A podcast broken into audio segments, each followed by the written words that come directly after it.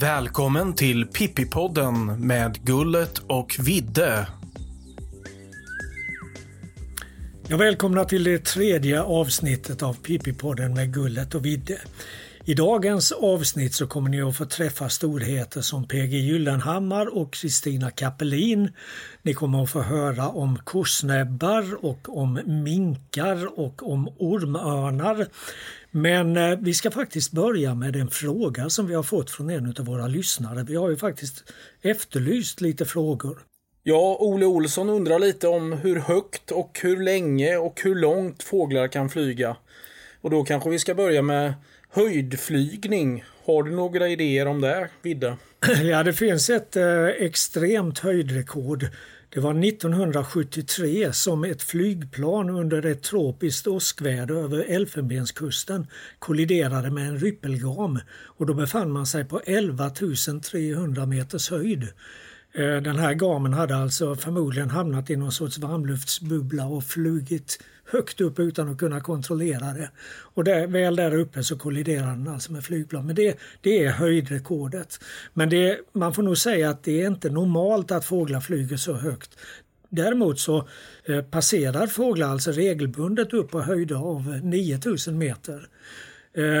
Jag vet att när Mount Everest bestegs första gången av Eh, Edmund Hillary och eh, Sherpan Tenzing så var de förundrade. När de kämpade upp mot toppen då så såg de gäss som passerade över toppen på väg om det var från eh, Centralasien till Indien eller tvärtom, det vet jag inte. Men både stripgäss och jungfrutranor flyger regelbundet över Himalaya på upp till 9000 meters höjd. Häftigt. Då kan vi ju gå vidare med den längsta nonstop-flygningen. Vilken art eller vilka arter har den? Ja, det är myrspovar som flyttar från Alaska till Nya Zeeland. Man har vetat ganska länge genom ringmärkning att eh, de myrspovarna som häckar i Alaska övervintrar på framförallt Nya Zeelands nordö.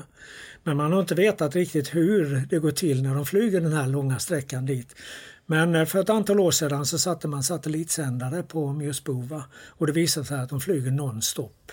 Och det är väl någonstans i storleken storleksordningen 1100 mil och det tar någonstans mellan 8 och 9 dygn. Sen har man också upptäckt att spetsstjärtade snäppor, ungfåglar och spetsstjärtade snäppor, de flyttar först från Sibirien till Alaska och så stannar de i Alaska ungefär en månad och äter väldigt mycket. Sen när de är riktigt fulltankade och har dubblat sin vikt, då flyger de förmodligen i ett streck ner till Australien. Det är inte riktigt lika långt som gösbovarna men nästintill. Ja, det får man väl ändå säga är häftigt. Du har väl eh, varit med på en sån här forskningsexpedition i Alaska i egenskap av journalist vid något tillfälle? Va? Jag hade förmånen för några år sedan att få följa ett par forskare när de jobbade just med eh, mjösbovar och spetsstjärtade snäppor. Och när vi kom dit då i slutet på augusti, då, det var ungefär samtidigt som de spetsstjärtade snäpporna anlände från Sibirien, då vägde hannarna i genomsnitt ungefär 65 gram och honorna 55 gram. Hannarna är rätt mycket större än honorna hos den arten. Men när sen forskarna lämnade en månad senare så var viktrekordet hos en hanne 150,4 gram. Den hade alltså mer än fördubblat sin vikt och var fet som en anka innan den då skulle ge sig iväg på den här långflygningen. Och sen åkte väl förstås forskarna då ner för att se detta i Nya Zeeland och Australien gissar jag. Ja, det är mer än vad jag vet. Jag fick i alla fall inte följa med på den, den fortsättningen i så fall. Nej, precis. Ja, nu pratade vi precis om längsta nonstop-flygning men eh, sedan så har vi ju även flyttningsresor. Vilka arter gör de längsta flyttningsresorna egentligen? Ja, det är väl två arter som konkurrerar om det. Det ena är silvertärnan och det andra är grålira. Alltså silvertärnor från Arktis flyttar ju ner till Antarktis. Och eh, det finns ju till och med teorier om att de under, vintern, under vår vinter, sommaren där nere i söder, att de flyger runt hela Sydpolen, alltså runt hela Antarktis. Eh, men vad vi vet i alla fall när det gäller silvertärnor är att svenska silvertärnor kan flytta så långt som till Nya Zeeland. Och det är ju alltså antipoden till Sverige i stort sett, alltså på andra sidan jordklotet, precis på andra sidan. Man har både påträffat en ringmärkt ung silvertärna på Nya Zeeland, från Sverige alltså.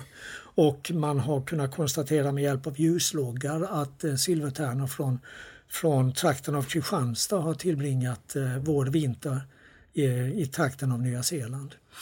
När det sen gäller gråliror så är det grålirorna som häckar just där nere runt Nya Zeeland och angränsande områden och som flyttar under det sydliga halvklotets vinter upp till norra Stilla havet. Och de flyger tydligen i en lång, stor cirkel i princip runt hela Stilla havet under vintern.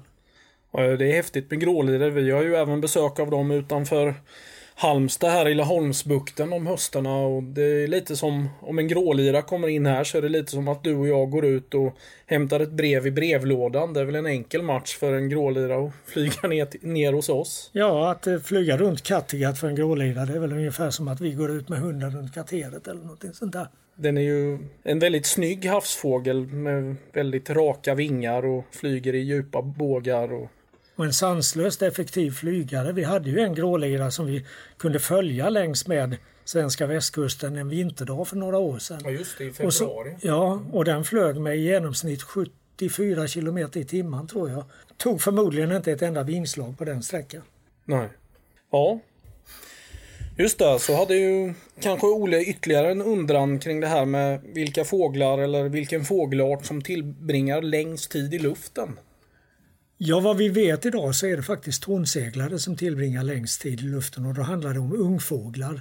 När de väl har lämnat boet så kan de hålla sig på vingarna i tio månader i sträck. Alltså utan att ha fast mark eller någon byggnad eller något träd under fötterna. Utan de, de sover helt enkelt uppe i luften och det där är ganska fascinerande.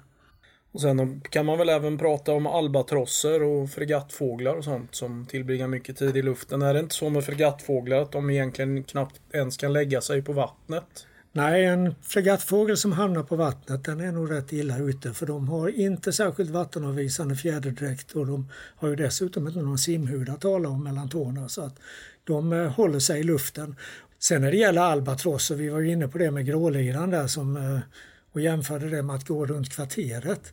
Eh, det finns en studie av albatrosser i södra Indiska oceanen som visade att när en av föräldrarna flög ut på en fisketur så räckte den fisketuren, eller den varade i ungefär en vecka och den sträckte sig över större delen av Indiska oceanen. Det är rätt häftigt. Ja, man får verkligen ett annat perspektiv kring det här när man pratar om fåglar inte minst. Ja, tack så mycket Ole för alla frågor. Vi får se om någon har några fler frågor i nästa vecka.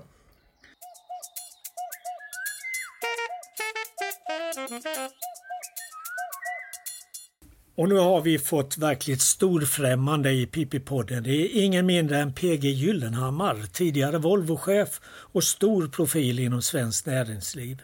Men det är varken Volvo eller näringslivspolitik som vi ska prata om utan snarare relationerna med vårt grannland Norge.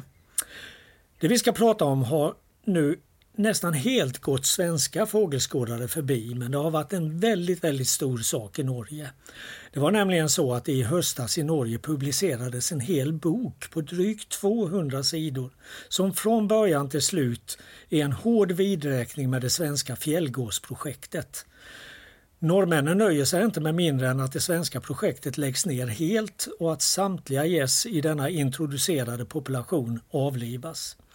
Detta håller naturligtvis inte den svenska projektledningen med om och knappast heller de svenska fågelskådarna. PG Gyllenhammar, du har ju själv betydande erfarenhet av att umgås med norrmän. Vi minns ju fortfarande dina idéer om ett norskt-svenskt samarbete kring Volvo, en affär som sprack 1979. Är du förvånad över den norska kritiken, PG?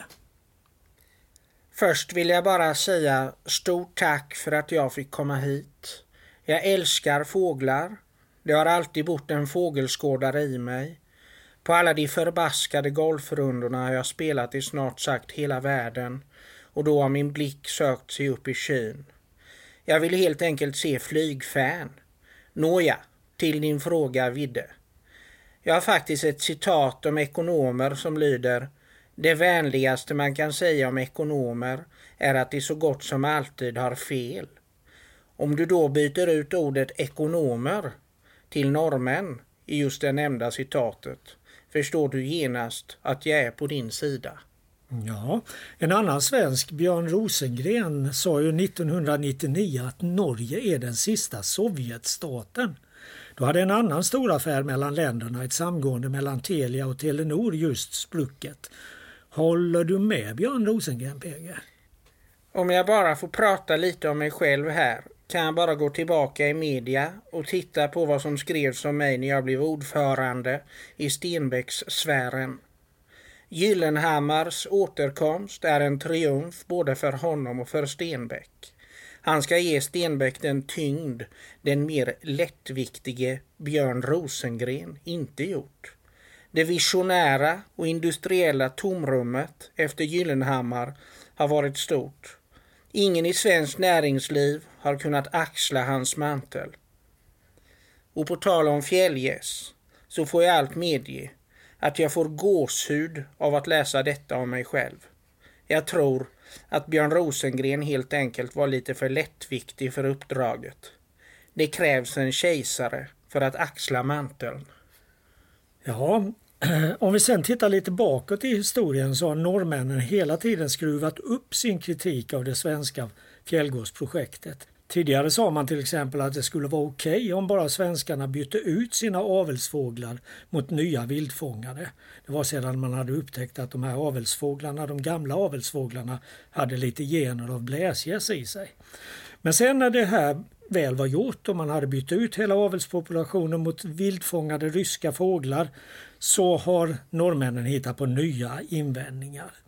Är den här ta taktiken att hela tiden byta position något som du också har erfarenhet i dina kontakter med norrmännen PG? Vidde, vidde, det kan man verkligen säga. Lita aldrig på en hel befolkning som bär lusekoftor och äter läfser dagligen och stundligen. Ibland har jag undrat om de där smala vägarna och de svarta bergen i det där landet har orsakat tunnelseende hos dem. Men det är ett vackert land, det får jag medge. Jag vill minnas att jag vid ett tillfälle åt fjällgås på en jaktresa. Det var en japansk kock med där. Han hade alltid en flaska soja med sig överallt. Den gjorde han sannerligen underverk med. Mörare kött med smak av salt, sött och umami har jag inte stött på sedan dess. Eh, en annan sak PG, du har ju sagt att Volvo gick miste om 700 miljarder när Norgeaffären sprack.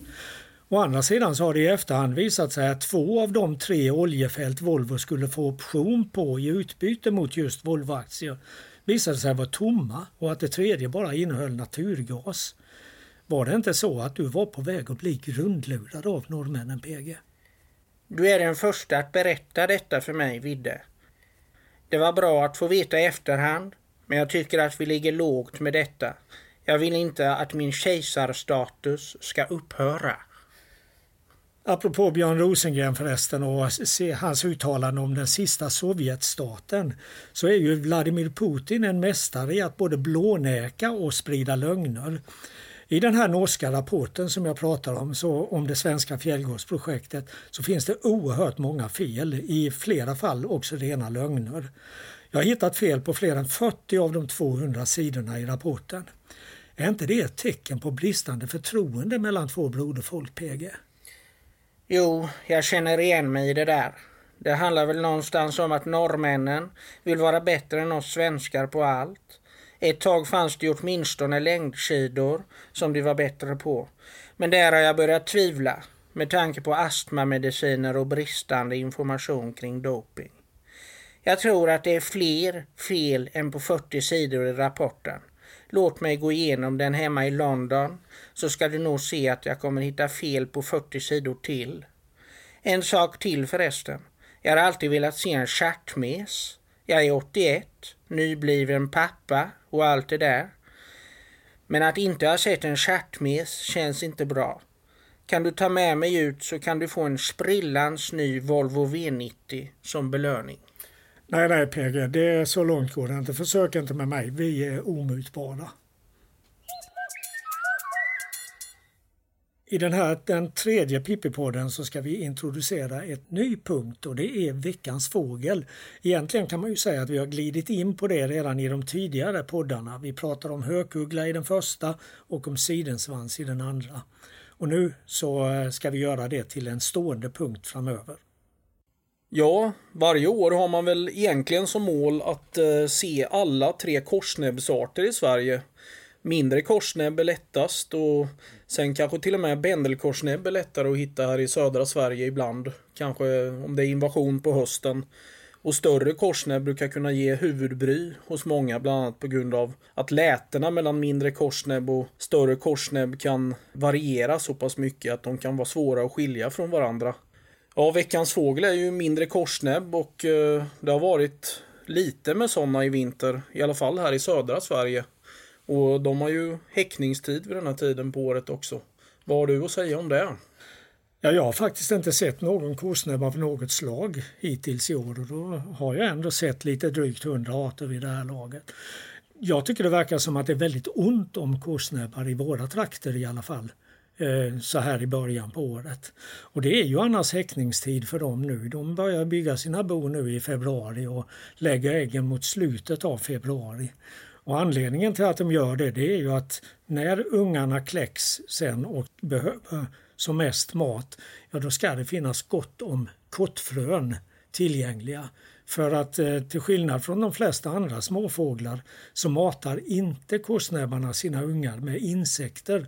I alla fall inte i någon nämnvärd grad utan det är eh, halvsmälta kottfrön som eh, eh, ungarna får i sig. Och de eh, finns det mest av i kanske februari månad då helt enkelt? Ja, eller lite fram på, längre fram på våren när dagsmejan sätter in på allvar i mars månad och kottarna börjar spricka upp och då blir det fröna lättare att eh, få tag i för korsnäbbarna. De är ju annars väldigt bra på att pilla upp kottar också med sina korslagda näbbar. Ja, det där har man ju tittat på några gånger och blivit fascinerad av. Hur är det med korsnäbbar och kottar egentligen? Alltså, kan alla korsnäbbsarter äta av grankottar eller hur ligger det till egentligen?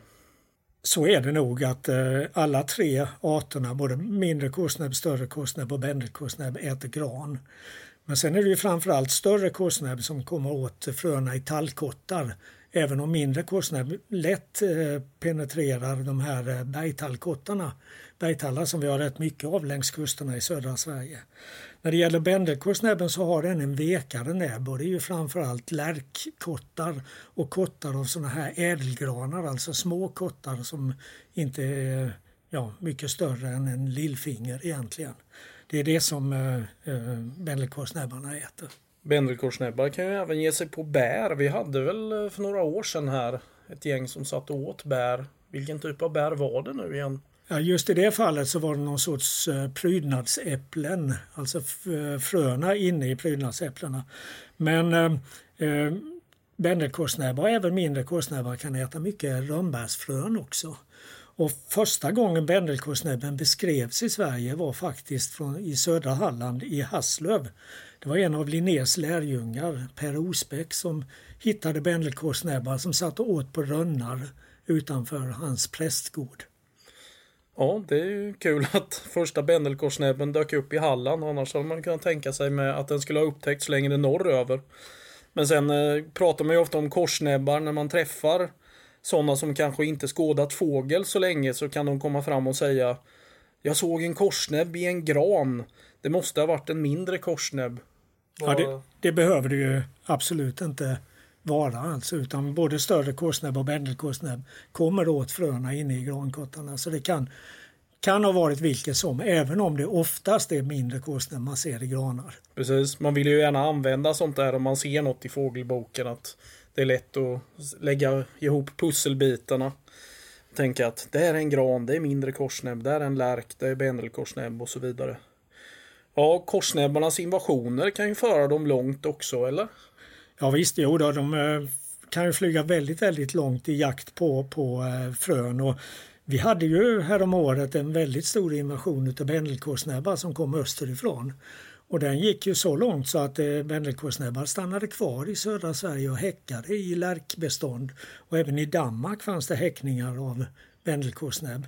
Men jag kollade i Artportalen nu häromdagen och det visade sig att i år Hittills i år, i januari och början av februari, så har bara sju rapporter om bändelkålsnäbb kommit in från hela Sverige.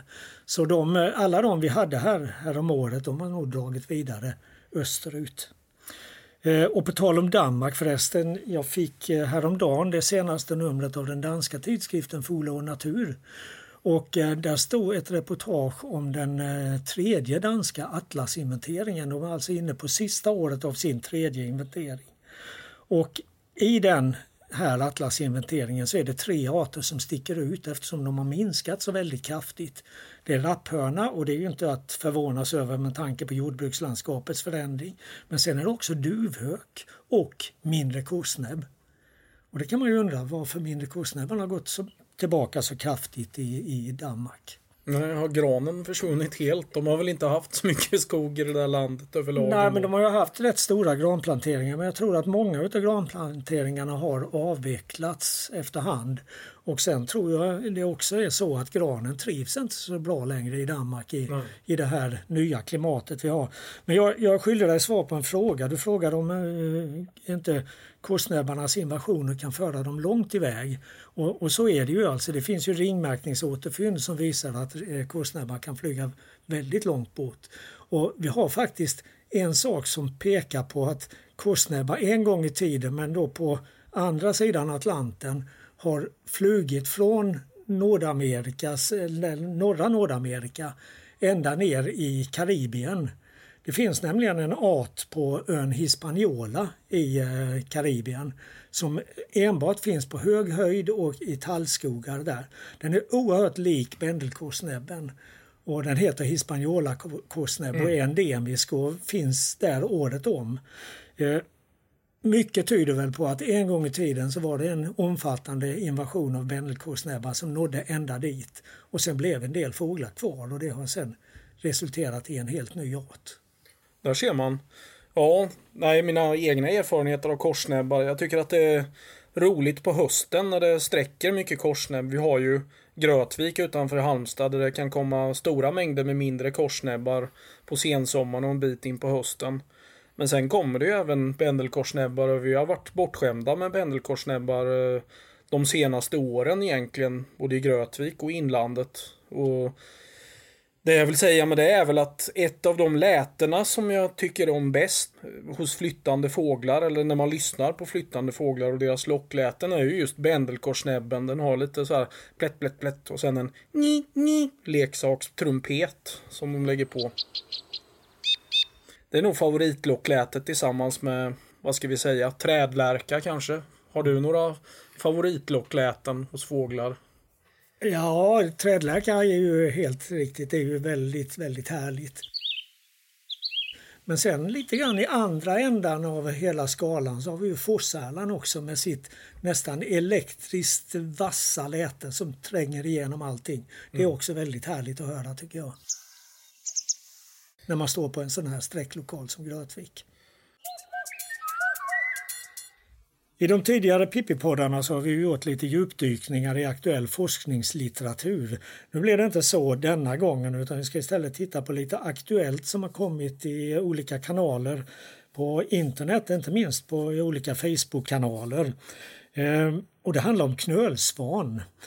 Knölsvan är ju en art som vi är väldigt hemtama med här i Sverige och som vi också eh, jag ja, kanske ser lite över axeln på ibland. Det är en sån vanlig fågel så vi bryr oss inte särskilt mycket. Men just de senaste dagarna så har det varit folkvandring i ett eh, sydeuropeiskt land efter knölsvanar. Och det är på Malta som det har dykt upp en flock med 12 stycken knölsvanar, fyra gamla fåglar och åtta ungfåglar. Och det är alltså helt unikt på Malta. här. Och man sätter det i samband med att det under den senaste tiden har varit väldigt kallt i Sydosteuropa och att förmodligen har de här svanarna tvingats iväg och så har de ut över Medelhavet hittat Malta och så slagit sig ner där. Och för en gångs skull så lockar inte en sån här ovanlig fågel enbart jägare som ger sig ut med gevär på Malta för att skjuta de här fåglarna. Utan nu har folk gått man ur huset och det är alltså en av de största folkvandringarna eller uppståndelserna på, på eh, Malta under senare år har de här knölsvanarna lockat till alltså. Och sen när det gäller knölsvanar så kan vi också ta en aktuell fråga från Danmark. Vi har ju pratat om Danmark lite tidigare i det här, denna omgång av Pippi-podden. Det är nämligen så att eh, knölsvanen har precis som sångsvanen börjat äta uppe på land. Går gärna på rapsfält och annat. Och i södra Danmark så finns det knölsvanar som eh, rastar i en fjord och som sen flyger in på åkrarna och äter. Och på vägen till och från Eh, de här eh, födosöksplatserna så eh, passerar de en stor luftledning. Och nu den senaste veckan så har någonstans i storleksordningen 10 knölsvanar om dagen flugit ihjäl sig mot den här ledningen. Så det är, det är också en sak som har vållat stora rubriker nu på sistone med de här knölsvanarna som dör på grund av den här luftledningen. Och nu finns det krav på att man måste gräva ner den här ledningen. Och kraftledningar överhuvudtaget är ju ofta ett problem för stora fåglar som har svårt att väja för dem.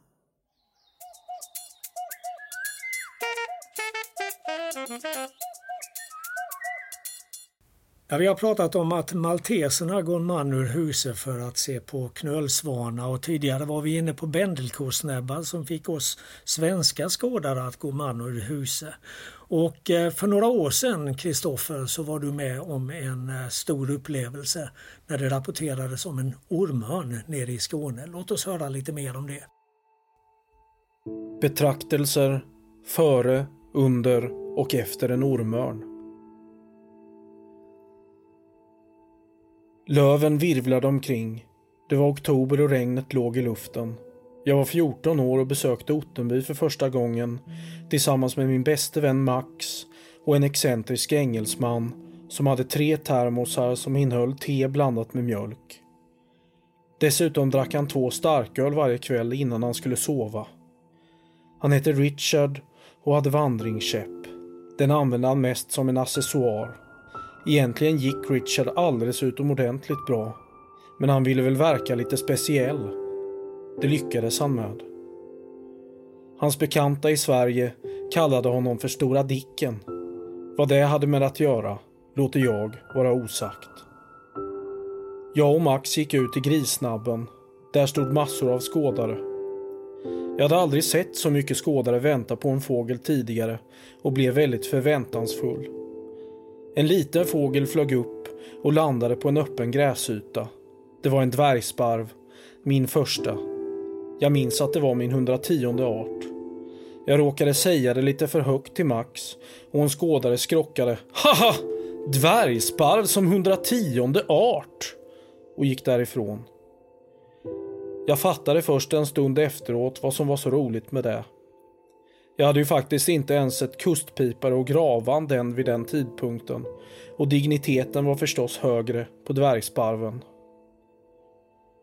Det hade börjat regna och Richard hade väntat i bilen och börjat tappa tålamodet. Jag minns att han sa You look like bloody wretches both of you. Now it's time to go home. Den höstdagen finns ännu fastbränd på min näthinna efter alla år. Alla tusentals vitkindade gäss och den lilla dvärgsparven. Det var nog där det började. Suget efter att räkna arter. Men trots detta har det alltid varit vardagsskådningen som skänkt mig mest glädje. De nya arterna är förstås en härlig krydda. Så är det nog för de flesta. Den nästan helsvarta molnbanken började blåsa in från havet. Blixtarna och åskknallarna haglade över landskapet. Vindrutetorkarna hann knappt med att ta bort allt regn från rutan och sikten var dålig. Janne, Fredrik, Tommy och jag var på väg i bil ner till Skåne. Det var sent i augusti, jag var 27 år och hade 399 arter. En ormörn hade setts dagen före i Grönby och vi hoppades att den skulle vara kvar. Ormörnen kunde bli min 400 art. Dagen före hade Håkan Johansson skrikit Den har svalt en orm! Den har full kräva och kretsar över skogen i mobilen. Detta gjorde oss extra sugna på att se ormörnen. Den var mätt och belåten och säkert kvar. På resan ner genomgick vi det sedvanliga tugget med skämtande och gliringar. Gondolskämtet är ett skämt som alltid kommer upp till slut under våra resor ihop. Hur lyder då gondolskämtet? Jo, min kompis Christian skulle på bröllopsresa till Venedig och då var det viktigt att han skulle använda gondol för att slippa venediska sjukdomar. Eller vad har Janne Sandberg och HG Karlsson gemensamt? Ingen av dem dricker lättöl. Det är bara det att HG är nykterist. Det är inte Janne. Ungefär på den nivån brukar konversationerna ligga. Väl framme i Grönby möttes vi av förväntansfulla skådare. Klockan var drygt halv tio och vi tyckte vi var ute i god tid för örnspaning. Det var fler göteborgare och varbergare än skåningar på lokalen och snart kom det ner några stockholmare, danskar och ölänningar också. Hur skulle dagen sluta? Det var mulet och en front låg en bit bort. Vädret var lurigt. Dock kom det inget regn och vinden var hård och gynnsam för flygande rovfåglar. Folk spanade över skogen och markerna runt omkring, men ingen ormön stod att finna. Klockan hade blivit tolv och fortfarande ingenting. Några skådare gav upp och lämnade platsen. Helt plötsligt kändes det som att många bara var kvar på platsen för att det var så trevligt att mingla runt. Någon frågade mig Tror du den 27 augusti blir ett datum att minnas för dig? Jag tänkte till en stund och gick tillbaka i tiden för att försöka minnas tidigare gånger då väntan hade varit lång för att se en art. Jag mindes exempelvis den långa väntan på den svartvingade vadarsvalan på Ottenby, den baleariska liran i Skälvik, som flög som om den vore i gelé, eller Wilsonsimsnäppan på Gotland. Jag mindes också hur det kändes efteråt, det kändes otroligt förlösande och minnet blev så mycket starkare än de gånger man fått se fågeln direkt. Det var som att få lön för mödan. Det var som att hjälpa en gammal dam över ett övergångsställe och få ett leende och ett tack. Det var som att bli bjuden på ett glas vin av en vänlig intressant främling en regnig höstkväll inne på en pub eller som att självaste Bruce Springsteen skulle knacka på min dörr en vinterkväll, dricka glögg, äta pepparkakor och skriva en låt tillsammans med mig. På frågan om datumet svarade jag därmed ja, det blir det. Och gick bort till de andra vid bilen. Jag tittade runt på människorna som befann sig utspridda längs vägen in till skogen. Några åt medhavd fika. Någon tittade i sin kameradisplay Andra skrattade gott åt något skämt medan vissa skådade ut över fälten. Klockan var nu en bit över 13.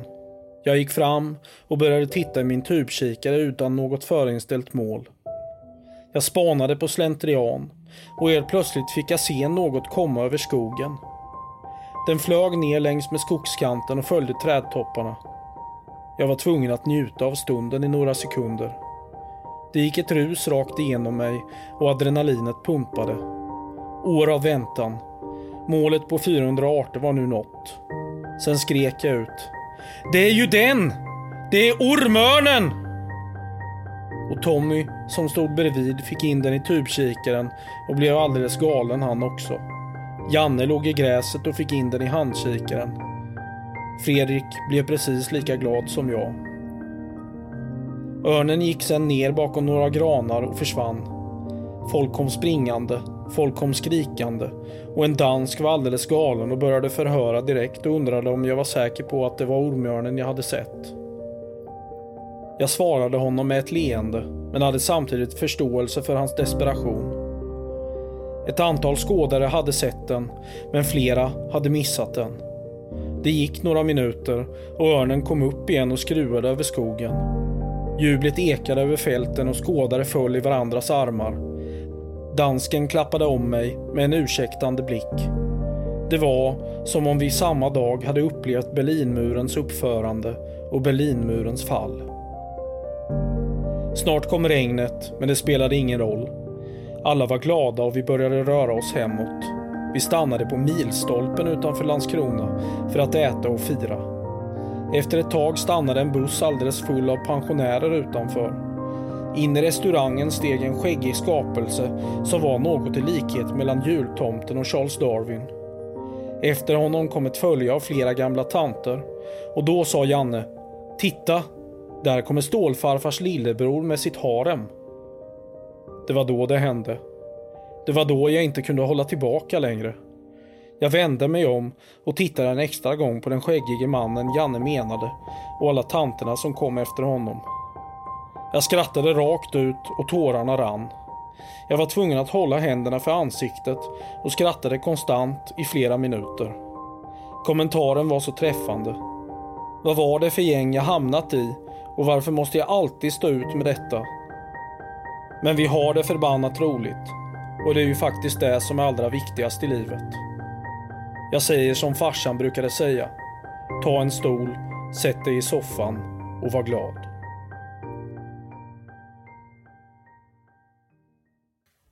Och nu har vi åter fått besök i Pippi-podden. Vi har fått besök från södra Europa. Det är ingen mindre än Kristina Kapelin, sedan mer än 30 år verksam som journalist i Italien. Vi tänkte höra lite mera med henne om hur hon ser på den italienska landsbygdens nationalrätt, polenta di uccelli. Åh, det är jättegott! Det äter vi nästan varje helg när vi gör vår söndagsutflykt och stannar till på lokala värdshus. Men vet du vad polenta di uccelli innehåller egentligen?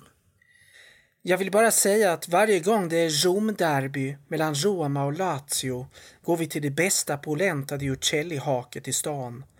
Det för tur med sig, för Totti och De Rossi brukar spela fantastiskt då.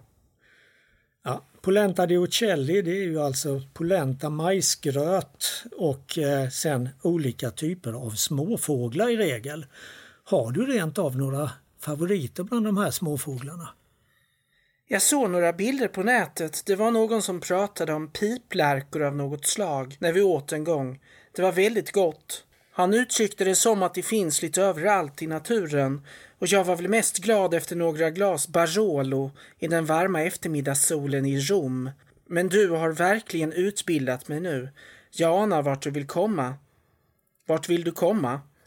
Ja, jag vill egentligen inte komma någonstans mer än att få svar på mina frågor här. Och jag kan väl säga det att från den italienska Birdlife-partnern som heter LIPU och det betyder Lega Italiana Protezione Uccelli så hör vi att det inhemska motståndet mot den här småfågeljakten lett till att jakten i Italien också minskat kraftigt på senare år. Och därför åker italienska jägare numera till östra Europa där lagstiftningen är svagare och där man kan jaga så att säga hej vilt. Hur ser du på det?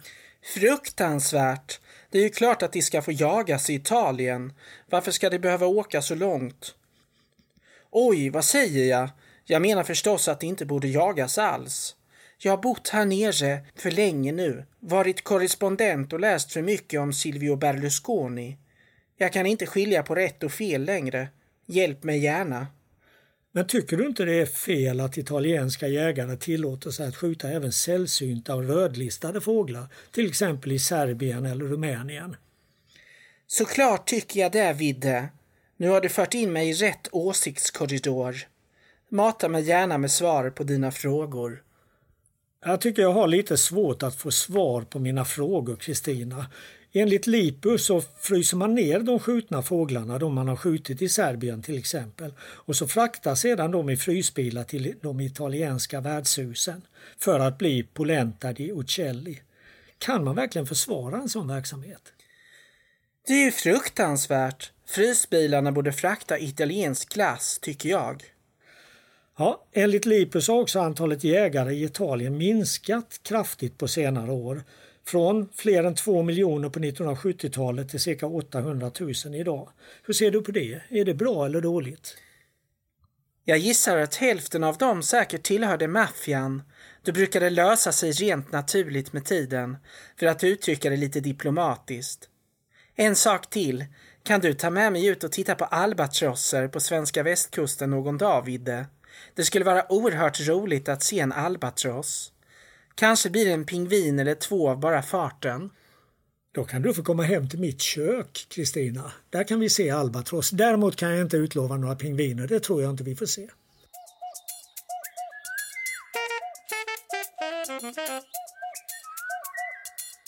Ja, här i Pippi-podden har vi ju inte bara oseriösa inslag utan även allvarliga inslag.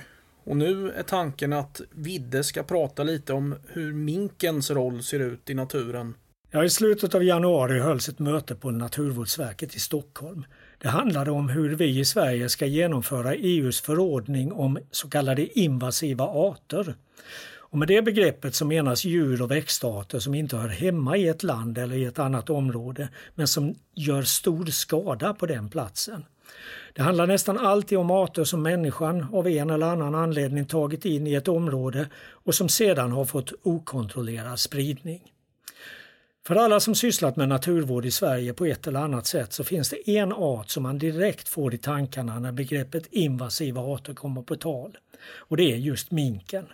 Det är en amerikansk art införd till Europa för mer än 100 år sedan för sin päls skull. Och på många håll i landet så byggdes det då minkfarmer för att föda upp minkar.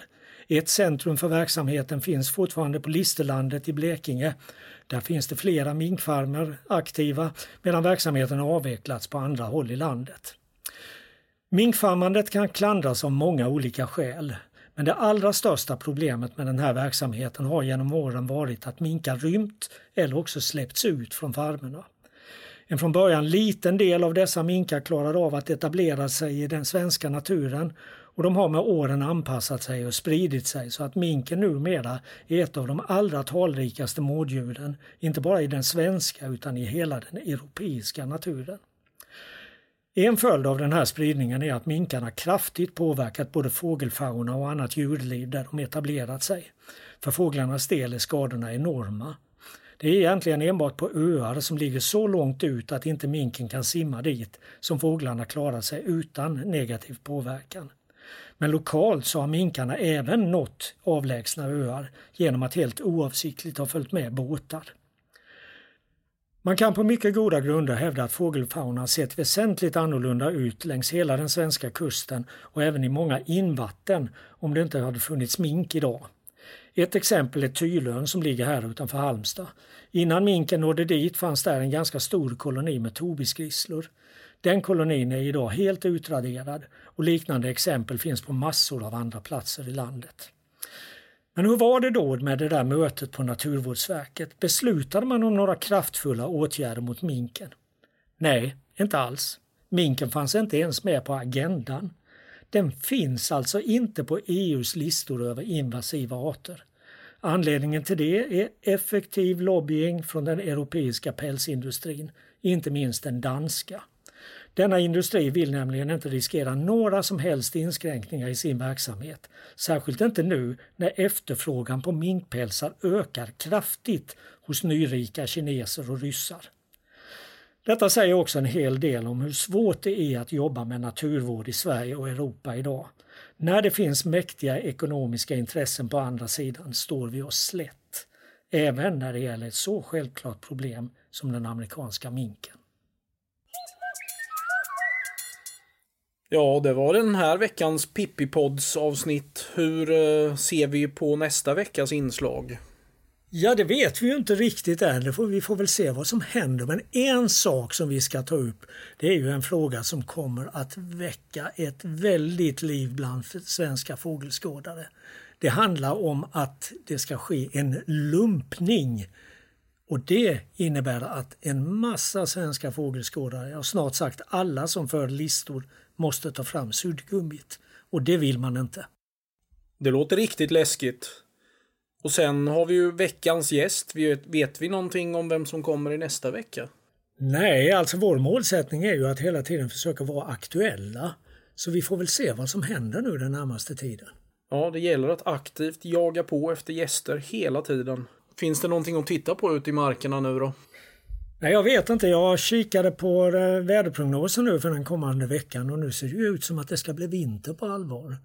Och eh, det kommer ju att ställa till. Först kommer det lite snö här i början på veckan och sen ska det bli kallt och klart en längre tid. Så eh, det kommer ju att förändra förutsättningarna ganska väsentligt. Mm, det kommer kunna bli rätt drygt att gå ut tror jag för det kommer bli väldigt blåsigt från ostsektorn också vad jag har sett. Men å andra sidan så ska solen skina rätt många dagar, i alla fall om prognoserna håller. Så det kan ju bli rätt trevligt ändå, förutsatt att man hittar något läat ställe där man kan sitta och spana fåglar. Ja, det finns alltid något att titta på. Kan man intala sig själv i alla fall. Pippipodden tar gärna emot tips på vad som kan vara med i programmet i framtiden. Skicka oss gärna ett mejl på pippipodden gmail.com. Redigering av Frida Nettelblatt. Pippipodden produceras med stöd från Studiefrämjandet.